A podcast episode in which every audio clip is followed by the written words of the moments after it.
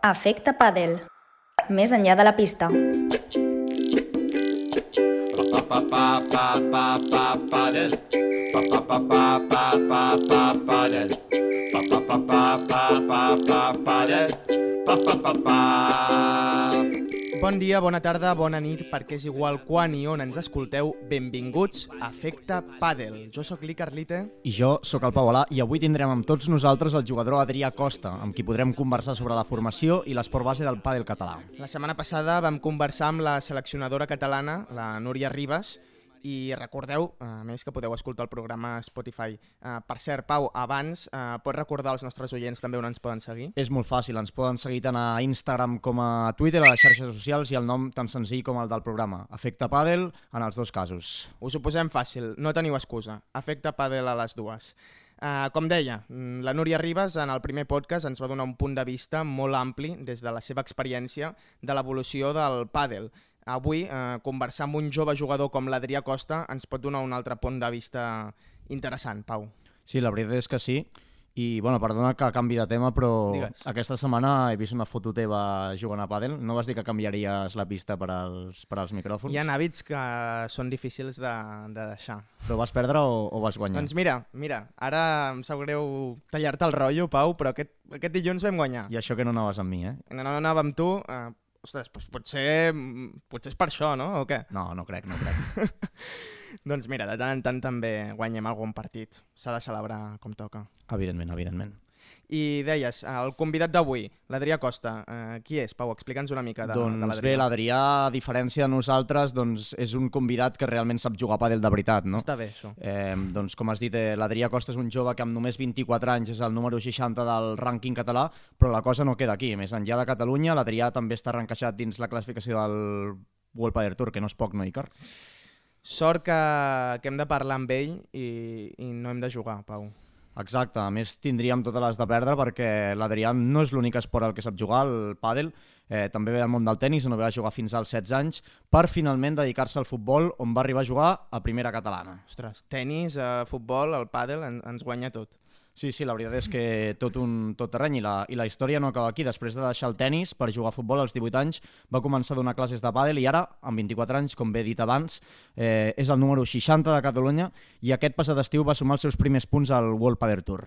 Doncs, eh, si et sembla, Pau, anem a parlar amb l'Adrià i que ens expliqui tot plegat. Exacte, i ho explicarà molt, molt millor que jo.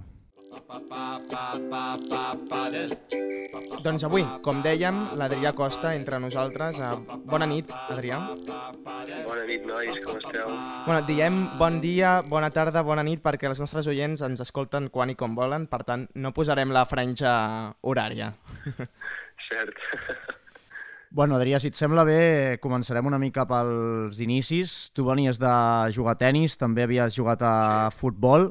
Ens pots explicar res, una miqueta el teu pas per aquests esports i, i, com vas acabar jugant a pàdel? Perquè la veritat és que és, és, curiós, la, és curiosa la història, si més no. Sí, doncs, bueno, tot va començar, jo, el meu pare és tenista, i bueno, des de petit ja em va inculcar no, una mica la cultura del tennis i jugar a tennis i suposo que com que els meus amics de col·le jugaven a futbol, doncs també volia fer futbol.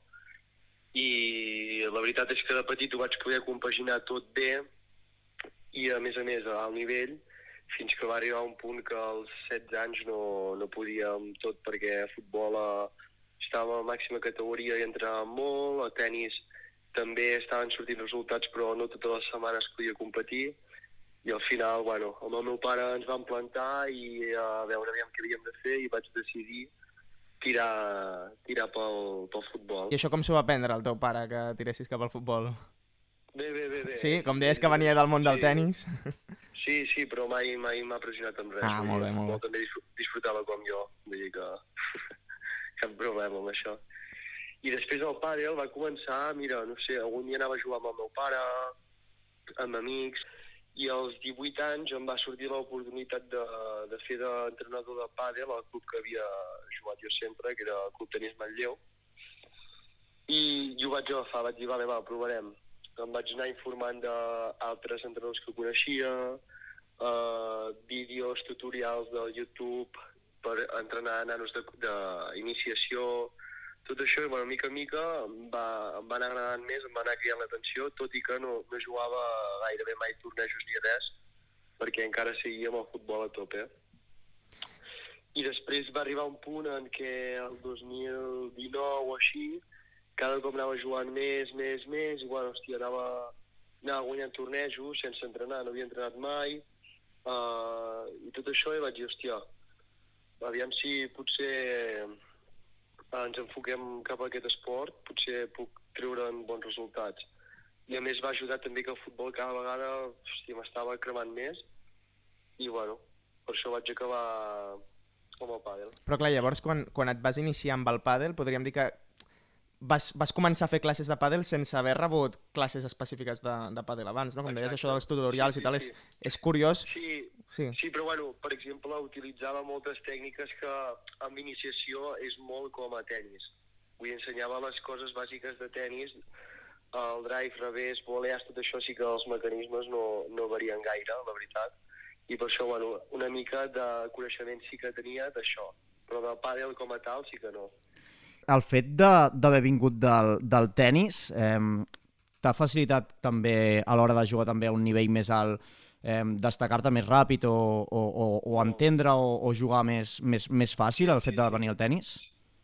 Sí, la veritat és que jo crec que és el que m'ha pogut ajudar més a pujar de nivell molt ràpid. Perquè jo, amb, ja dic, en un any he pujat molt de nivell, tant com de joc com de resultats, i tot venia donat de que, hòstia, com que ja tenia facilitat amb el tennis, amb el pàdel encara ho, ho trobava més senzill. Clar, Agafar tota... clar, clar, clar. I sobretot el tema de... Clar, deies que bueno, aquesta base que et dona, eh, que és evident, però també has trobat algun vici que tu que vens del tennis doncs potser et costi de deixar-lo anar i et condiciona, en aquest cas negativament al pàdel, o tot és positiu? Clar, clar, al principi, hòstia, vam, a la que vaig començar a entrenar més en sèrio, tenir feina amb arreglar, per exemple, la defensa. Jo jugava molt, sempre, si podia, a bote pronto. Amb els vidres ja els utilitzava, però em sentia molt còmode amb bote pronto, tot això, que això són coses que s'han d'intentar evitar. I a la volea, més que res, la preparació dels cops, que són, amb el tenis són molt llargues, les preparacions i el, el pàdel al ser molt més curtes, aquí és on vaig amb els meus entrenadors vam haver de treballar fort, d'intentar retallar el temps de moviment. Ara sí que és veritat que mm, la cosa està canviant una mica, no? Eh, abans eh, sí que és veritat que la gent que començava a jugar a pàdel doncs, venia del món del tennis, eh, però ara la cosa està canviant. Hi ha molta gent que comença amb el pàdel, de fet a Catalunya més o menys en uns 22.000 federats. Tu estàs notant molt l'augment de nivell pel simple fet de que hi ha molta gent que des de petita ja comença a jugar a pàdel directament? Molt, molt, es nota molt i, i a més a més ara que ja he anat voltant bastant i conec a molta gent del circuit, tothom coincideix amb el mateix, des de jutjar àrbitres i tot, que ara els últims anys ja ha pujat molt el nivell que abans, la gent potser entrenant un dia, si ja se't donava bé de per si, estaves dels 20 primers de Catalunya, i ara, clar, tothom et trobes que entrena dos, tres dies a la setmana i està molt dur a nivell català i a nivell de, de tot el món, la veritat. Actualment eh, jugues al Club Indoor de Granollers. Et voldríem preguntar eh, quins factors et fan triar un club o un altre, què és, què és el que es té en compte a l'hora de- d'escollir el club, diguem, i quin paper pot jugar en la formació i l'evolució de, del jugador, fins a quin punt és, és important el, el club.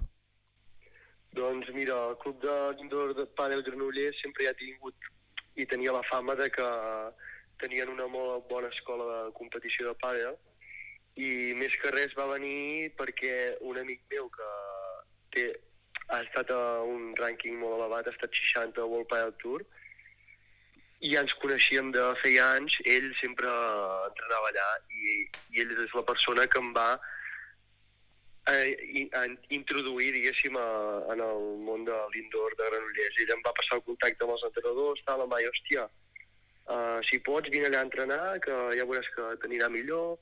A més, tenen una acadèmia que és d'en Pablo Aimà, que actualment entrena la jugadora 8 del món, tot això vull dir que porta gent molt bona i a més uh, això queda mitjanament a prop de Vic, em queda mitja hora, vull dir que tots els factors del boca a boca del meu amic que l'acadèmia és bona i que em queda mitjanament a prop de casa, doncs han ajudat a, a jugar allà.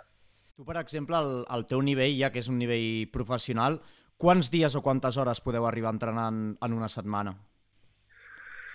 Doncs jo ara entreno tres dies fixes, una hora i mitja a pista, més el físic. Per exemple, tres, faig tres dies de treball al gimnàs, de peses sempre enfocades al pàdel, i després també dos dies de pista, treball de circuits de velocitat, força, tot enfocat al món del pàdel.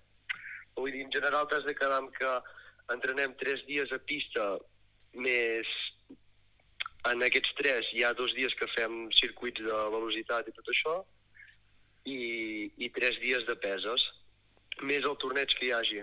Vull dir, normalment descanso, descanso jo un dos dies a la setmana màxim.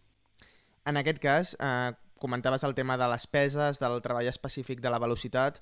Eh, és evident que hi ha molts aspectes que poden influir al joc. Eh, per tu, quin és el més important o si és una combinació de, de tot plegat? Home, tot és molt important, però per mi ara pel que he anat veient a mesura que he anat uh, augmentant de nivell és que la, la tàctica i la psicologia és el que uh, condiciona més, perquè, per exemple, quan arribes a tenir un nivell molt alt, com estem ara, molta gent juga molt bé, vull dir que tècnica tothom en té molta, i tot es decideix per petits detalls que sovint són psicològics, falta de concentració, tot això que tàcticament no es juga com, com s'hauria de fer. I això com ho treballeu, el tema, per exemple, de la concentració? Això de concentració, doncs, um, els entrenadors a vegades et donen eines, uh, no sé, que sé, pensa alguna paraula que en aquell moment, tal, o imagines la jugada que has practicat molt a l'entreno i que l'has de fer ara. Una mica això. També a vegades uh, ve un psicòleg esportiu allà que tenim l'opció d'utilitzar-lo quan hi és, però no, no hi és molt sovint al club. Per exemple, a nivell aficionat, perquè tot això de la psicologia, doncs, per exemple, en aquest cas el Pau i jo quan anem a jugar no, no ens fixem en aquests temes, però sí que a vegades doncs, hi ha aquell partit que, que ja se't posa molt del revés d'inici i no el pots uh, remuntar, o partits que, bueno, que entres en dinàmiques negatives, a un jugador... A fallar, sí. sí, exacte, un jugador aficionat, uh, quin consell, per exemple, així útil li, li podries donar pel dia que vagi a jugar a pista?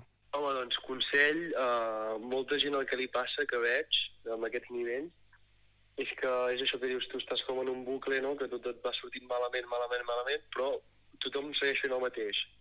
Saps què et vull dir? Que canvin alguna cosa. Si, per exemple, que sé, juguen contra algú que tot el rato estàs baixant superbé i les treu totes, doncs no sé què podem fer diferent, doncs tirar més per baix. Buscar mm -hmm. algú diferent, encara que no ens no, no us surti tan bé el, el tirar d'una altra manera, però fer alguna diferent perquè si no, malament. Doncs me l'apunto perquè la veritat és que jo sóc d'aquells que quan comença a fallar eh, m'enfado amb mi mateix. Ara et canviaré una miqueta de tema, Adrià. Tu participes al circuit català. Sí que és veritat que a nivell internacional, evidentment, la, la gent coneix molt el World Fire Tour i potser competicions així més locals són menys conegudes. Ens podries explicar una mica com, com funciona el, el circuit català de, de pàdel? Doncs mira, el circuit català de pàdel eh, es juga cada setmana, cada setmana hi ha tornejos, hi ha tornejos de diferent importància. No? Hi ha un, el Campionat de Catalunya absolut, que allà és on es sumen més punts, després tens el Supergran Slam, que és el segon que sumen més punts, uh, Gran Slam, que és el tercer, després hi ha Slam i bronze. I tot va per nivell, saps? El primer que t'he dit és on, et, on si tu guanyessis un partit, potser guanyes uh, 500 punts, i en el següent torneig, que és un gran slam, si guanyes un partit, podem guanyes uh, 400. Saps? Sempre va per mm. nivell de torneig, i després, a més a més... Tots aquests punts dins la Federació Catalana, diguem. Exacte, sí, sí, la Federació Catalana és l'única federació d'Espanya que no, els punts no valen per la Federació Espanyola. Ah, sí? Sí, a les altres comunitats autònomes, per exemple, si tu jugues allà també et valen pels d'Espanya, però aquí no. Llavors tu quan vols anar a Espanya? No, vaja, no juguem. Vale, o sigui, si per exemple volguessis anar a un campionat d'Espanya, encara que tu aquí fossis, per exemple, estiguessis entre els 30 millors, diguem, eh, si, si Sí, no tens ja els punts ja- eh, de la Federació Espanyola no pots accedir, no? Sí, aniries, no? sí, o, sí, sí que podries accedir, però estaries últim de, del quadre, saps? Et Mhm. tocaria poder cap de sèrie 1. I això a nivell de- d'organització, des del punt de vista del jugador, creus que s'hauria de trobar una manera que estiguessin més en sintonia les federacions o no, no afecta? No, no afecta molt perquè el bo que té la Federació Catalana, per exemple, és que els premis i tot és molt més eh, important que en les altres comunitats. Per exemple, aquí es donen més diners que als altres llocs, eh, es fan molts més tornejos, vull dir que ja ho compensen d'una altra manera. Per això també molta gent li interessa jugar a la Federació Catalana, que hi ha molt nivell, la veritat. Mm -hmm. I, per exemple, ara que parlaves de punts, tu aquest estiu vas aconseguir els primers punts de cara al World Tour. Com, com es sumen els punts de cara al rànquing del, del World Tour? Doncs per sumar punts o estàs entre els 20 primers de Catalunya i pots uh, demanar una invitació en un torneig World Tour o si no hi ha un circuit paral·lel que també és del World Padel Tour que es diu FIP, Federació Internacional de Padel i organitzen tornejos gairebé cada setmana arreu del món i allà si també va per categoria del torneig però si entres a quadre i jo que sé, arribes a vuitens de final, doncs pots arribar a sumar un punt, dos, depèn del nivell del torneig. N'hi ha de més importants que sumes més punts, n'hi ha de menys que en sumes menys. Però allà et donen l'oportunitat que puguis aconseguir alguna cosa. Canviant una mica el, el tema, eh, abans tornem a la base, abans deies que també doncs, eh, fas de professor. Hi ha un usuari d'Instagram, eh, aprofitem també per dir als nostres oients que a través de les nostres xarxes poden interactuar i ens poden proposar preguntes pels nostres entrevistats, l'Avi Martínez, que et pregunta eh, a partir de quina edat un nen que entrena tennis pot començar a jugar a pàdel. Eh, pel que has explicat, ara ja comencen directament amb el pàdel, però tu que entrenes, Sí. amb, amb què et trobes? Doncs jo em trobo que molta gent que passa de tennis a pàdel venen als 10 anys, 9, 10, 11, Uh -huh. aquelles edats. És el que veig més, la veritat. Això potser cada vegada s'anticiparà s'anticiparà una mica més, sí. Sí, sí, sí. Ara, ara tenim molts nens que comencen ja amb, amb 6 anys i ens venen allà directe, ni tenis ni res. Sí, sí. I el fet de jugar, Pau, pel tema de jugar sempre en parella, que abans li volíem preguntar, com tu i jo sempre juguem junts, Sí, bueno, el fet de jugar en parella també a vegades es veu que valors com el companyerisme, per exemple, doncs es converteixen en un aspecte vital, no? Treballeu, tu que ets entrenador, treballeu molt amb aquests valors des d'un bon inici. Sempre jugues amb la mateixa parella o influeix molt sempre jugar amb la mateixa parella o, o com, com ho veus tu des de dins? Com el que m'has demanat al principi, sí que eh, des de la base intentem que fomentar al màxim el companyerisme, el respecte, que sempre s'animi entre ells, això és primordial. I després, des de, en el meu cas, jo ara com que vaig passant diferents etapes i vas augmentant, sí que vaig canviant bastant de parella. És poc freqüent que vagi amb la mateixa parella, però sempre intento d'anar amb gent que m'hi vingui bé, perquè sí que en el meu cas, per exemple, uh, per mi la parella és superimportant i, i necessito que hi hagi bona afinitat i això. Si ja veig que no hi ha bona connexió i tal, no em sento còmode dins la pista. Vull dir que és una de les coses més importants que hi ha. I a més està bé, els cops que he pogut jugar amb una parella, mm, més tornejos seguits, clar. la veritat és que va molt bé perquè després si a vegades pots entrenar junts i treballes tàctica, ja saps quan un farà una cosa i tu et pots anticipar una mica. Uh -huh. Es nota molt més. Uh, Sí, sí, sí. Adrià, eh, seguiríem parlant amb tu dues hores més, però se'ns tira el temps a sobre. Uh, ho hem de deixar aquí. Moltes gràcies per, per atendre'ns a Efecte Pàdel. Moltes gràcies a vosaltres. I molta sort amb el món del pàdel. Exacte, exacte. Merci, igualment amb vosaltres als podcasts. El tie break. Doncs després d'aquesta interessant entrevista amb l'Adrià Costa, eh, tornem amb el tie-break final. Pau, amb aquests entrevistats eh, se'ns fa curt el temps i la veritat és que seguiríem parlant amb ell més La veritat és que sí, una pena. M'ha semblat molt, molt interessant tot el que ens ha comentat l'Adrià. Eh, de fet, he après moltes coses que, que no sabia i res, eh, la veritat és que Què voldries està destacar? molt bé aprendre el, a, un altre punt de vista i jo amb el que més m'he quedat és el, és el que ha dit, que a mesura que ha anat augmentant el nivell, la tàctica i la psicologia és el que, el que s'ha notat més, el més determinant a l'hora de jugar pàdel. Sí que és veritat que eh, doncs, l'aspecte físic, els altres aspectes del joc poden tenir eh, molt a veure, però, com ha dit ell, al final la, la tàctica i la psicologia a nivells professionals doncs, al final són el que marquen la, la diferència. I aquests trucs no, que comentava de, per exemple, doncs, una paraula o coses que et diuen ep, reset, concentra't. Uh, després també um, doncs, tot el tema de, de l'escola, no? de, de com es treballa ja des de, dels inicis i m'ha semblat també fins i tot graciós no? que va començar a fer classes de pàdel quan ell s'estava iniciant i això que deia dels tutorials i tal, que per cert, molta gent um, jo faré veure que no ho he fet mai però realment sí que ho he fet hi ha molts tutorials a YouTube que, que et, pot, bueno, et donen alguns És una bona consells. manera d'aprendre autodidactament. O sigui, És que no et volia dir on vaig aprendre el saque de l'altre dia, Pau. Jo crec que el, el pots millorar encara, eh? el pots millorar. Hi ha marge de, de millora. I després també el tema de l'afinitat amb la parella. Jo crec que això és molt important i, i, i, i, i aquesta afinitat al final també eh, jo crec que, te, que la traslladis més enllà de la pista és, és algo molt important, no? que te vinguis bé dins i fora la pista és, és vital i al final eh, el joc també jo crec que és, és molt important trobar algú amb qui et complementis bé a l'hora de jugar, o sigui, eh, algú que estigui acostumat a jugar a l'esquerra, algú que estigui acostumat a jugar a la dreta, eh, una mica també saber com juga la, la teva parella, conèixer el, conèixer el bé, són aspectes que són molt importants a l'hora de jugar a i al final és el que ha dit, no? Eh, quan portes temps jugant amb una parella el, es nota, es nota I molt. també el reforç psicològic d'una persona doncs, que t'animi, que, que t'acompanyi.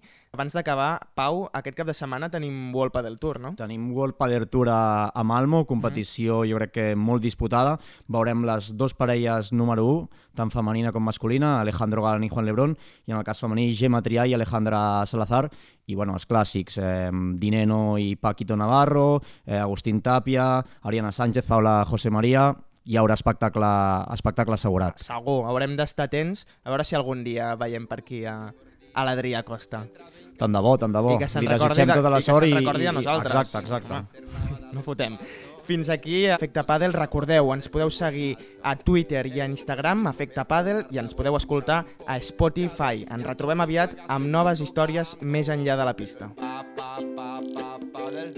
Pa, pa, pa, pa, pa, pa, pa, padel pa pa pa pa pa pa pa paddle pa pa pa pa